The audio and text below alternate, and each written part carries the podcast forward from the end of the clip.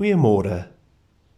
Vanoggend lees ek vir ons uit die tweede brief van die apostel Petrus.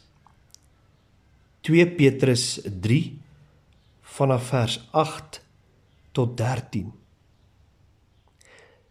Hy sê een ding moet julle egter nie vergeet nie. Vir die Here is een dag soos 'n 1000 jaar en 'n 1000 jaar soos een dag. Die Here stel nie die vervulling van sy belofte uit nie. Al dink party mense so. Nee, hy is geduldig met julle omdat hy nie wil hê dat iemand verlore gaan nie. Hy wil hê dat almal hulle moet bekeer. Maar die dag van die Here sal so onverwags soos 'n dief kom. En op die dag sal die hemel met 'n groot gedruis verdwyn. Die hemelliggame brand en tot niet gaan en die aarde met alles daarop vergaan. Aangesien al hierdie dinge so aan hulle einde gaan kom, moet julle des te meer vroom en aan God toegewy lewe. Leef in die verwagting. Leef in die verwagting dat die dag van God kom en beywer julle daarvoor. Die dag waarop die hemel in vlamme sal vergaan en die hemelliggame sal brand en wegsmelt.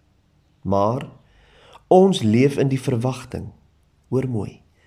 Ons leef in die verwagting van 'n nuwe hemel en 'n nuwe aarde wat God beloof het en waar die wil van God sal heers. Liewe vriende, Petrus skryf hier om die spotters op hulle plek te sit. Die wat vir hulle sê en wat het nou geword van die belofte van die wederkoms waaraan julle so vashou. En die wagtendes moet bemoedig word. Daarom sê hy hy is geduldig met julle. Die wagtendes.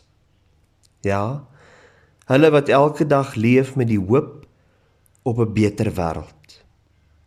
Hulle wat sukkel om hulle nie ook oor te gee aan die uitsigloosheid van die wie se lewe net om hulle eie belange en begeertes draai nie. Nou presies hoe leef 'n mens met verwagting?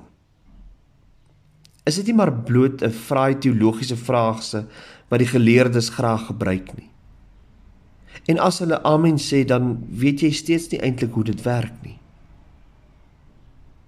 Hoor dan wat sê Petrus. Hy sê leef met oop oë, speurend na die tekens van die nuwe hemel en die nuwe aarde. Leef met 'n oop hart, soekend na die wil van God. Dan sal die dag van die Here wat so onverwags soos 'n dief kom, jou nie onverhoeds betrap nie. Dan is die wagproses ook nie 'n ontvlugting uit die werklikheid of 'n onrealistiese verlange na 'n pie in the sky when we die nie. Dan is dit om hierdie lewe en sy geleenthede entoesiasties aan te gryp en blinkoog te gaan soek na waar jy God se wil kan doen. En om so selftekens van die nuwe hemel en die nuwe aarde waarvoor jy so wag reeds nou in hierdie gebroke wêreld sigbaar te laat word. Kom ons bid saam. Leer my Here om geduldig op my tone te wees. Gereed om te help. Reg om te gaan waar U my stuur.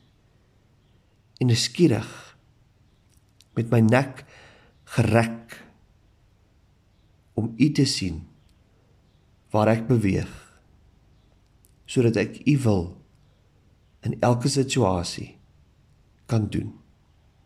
In Jesus naam alleen bid ons dit. Amen